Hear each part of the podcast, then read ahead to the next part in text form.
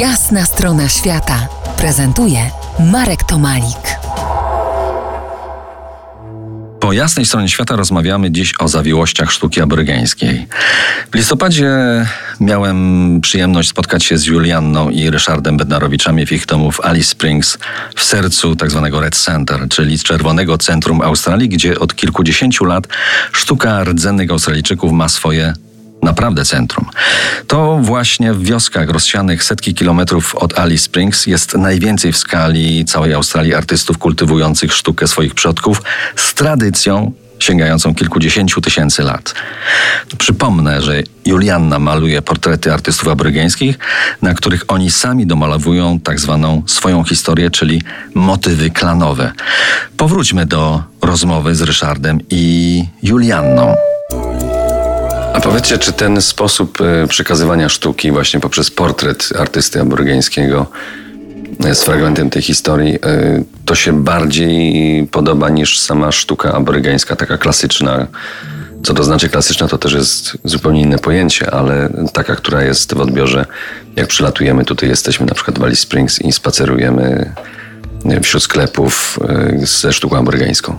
Obrazy te Julii portrety są dość tradycyjne czyli po prostu twarz musi być rozpoznawalna, szczególnie przez rodzinę danego artysty czy artystki. Przychodzą mi się po prostu od razu rozpoznają, zwłaszcza dzieci, anti-Linet, anti-Gloria i tak dalej. Po prostu to jest bardziej dokument niż kreowanie czegoś nowego. My, znając naszą kulturę anglosaską, łatwiej nam poznać trzecią kulturę, która jest kulturą aborygeńską, myśliwych zbieraczy. Ich gesty są inne, zachowania są inne. Powiem dla przykładu, że jeżeli osoba umrze, to nie wolno wymieniać jej nazwiska. Nie A wolno. także upowszechniać jej wizerunku chyba.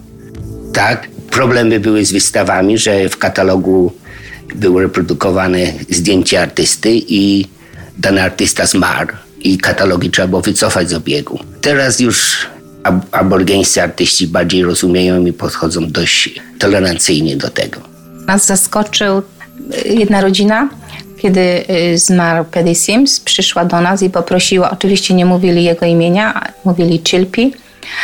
Y, przyszli poprosili, żebyśmy zrobili jemu portret duży portret oprawiony, bo postawią przy trumnie. My byliśmy zdumieni, bo wiemy, że nie było można tego robić. Zmieniło, po prostu idą, idą z, z postępem. No tak. W tej przebogatej tradycji sięgającej kilkudziesięciu tysięcy lat są spore zmiany. Kiedyś kobietom nie wolno było malować, a nawet przebywać w pobliżu, gdzie powstawały prace malarskie, czy to w nawisach skalnych, czy też w czasie ceremonii. Teraz kobiety malują i to chyba nawet częściej niż mężczyźni. Na dalszy ciąg rozmowy z Julianną i Ryszardem zapraszam za kilkanaście minut, a teraz piękna muzyka w RMF Classic. To jest jasna strona świata w RMS Classic.